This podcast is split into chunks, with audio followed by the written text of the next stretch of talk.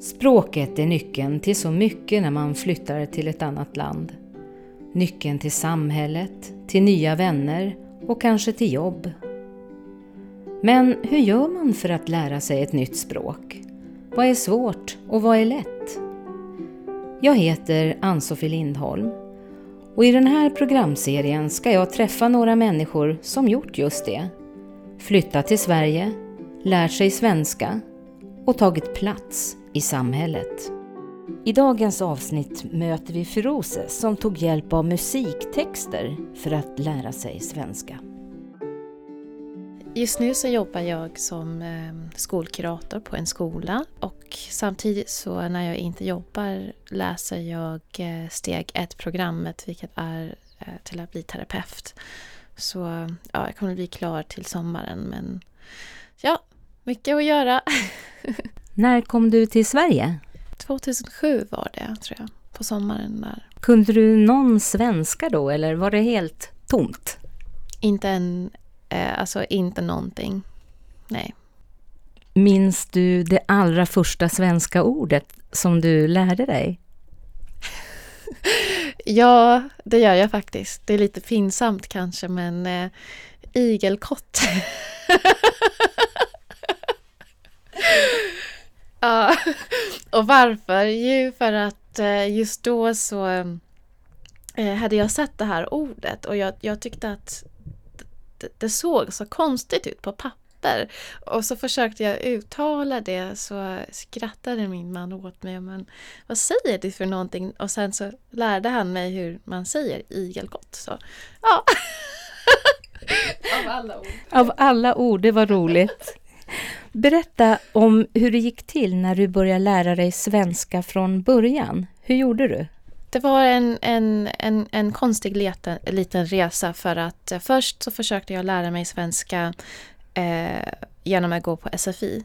Men det gick inte så bra eftersom just då bodde vi någonstans där de inte hade någon SFI.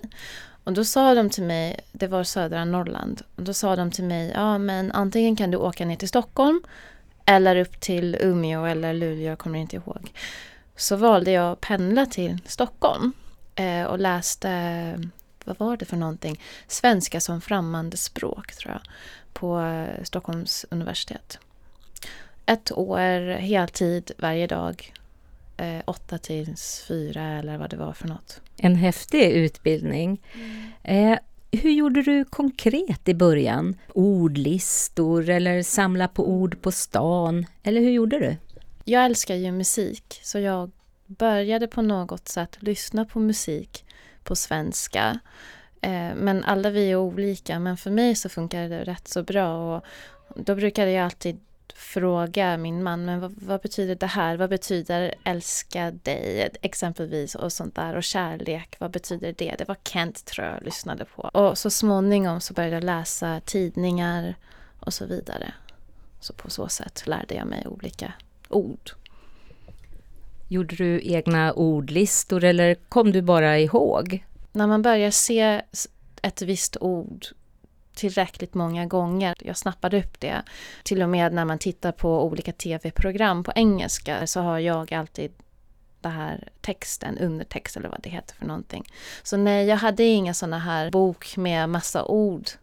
Fast när jag började på utbildningen, då hade jag många sådana, böcker.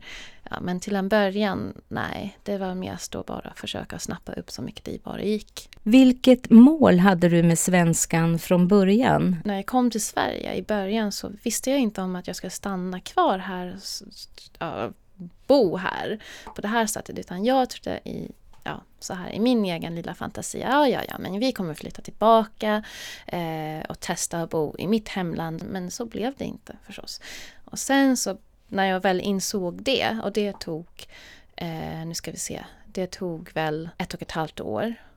Då började jag satsa på språket eh, till 100 procent. För jag kände att om jag kommer att leva här, om jag kommer att bo här, då måste jag kunna språket. För jag, dessutom så jobbar med, jag med psykologiska frågor och jag måste ju kunna prata med andra om känslor. Och då är det svårt om man inte kan uttrycka sig på, på det språket man jobbar med. Vad tycker du är enklast med svenskan? Enkelt? Nej, det finns inget enkelt med svenskan.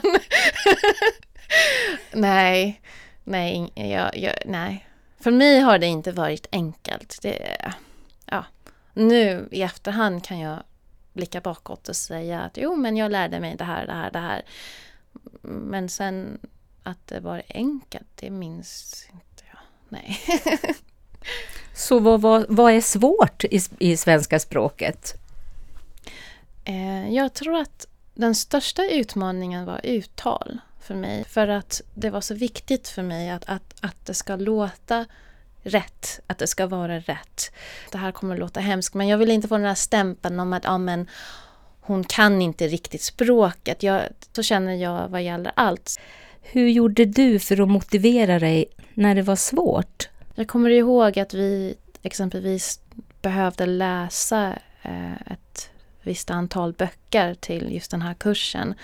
Och då brukade jag utöver det välja någon, någonting själv som jag, som jag tyckte var intressant. Kanske en översättning på någon bok som jag hade läst på engelska exempelvis. Som jag tyckte var jätterolig att läsa. Eller titta på en film. Någonting som jag själv tyckte om. Inte bara någonting som någon annan har sagt till mig. Ja men du måste göra det här eller det här ska göras. Utan min egen grej så att säga. Vilka tips skulle du vilja ge till dem som lär sig svenska nu? Ge inte upp. Det är, och sen uttal. Det, det, är så viktigt tycker jag. För får man ihop det där så, så kommer resten ganska så naturligt. Och sen så ordförråd, det är jätte, jätteviktigt förstås. Eh, bara försök att ta in så mycket det bara går. Och inte ge upp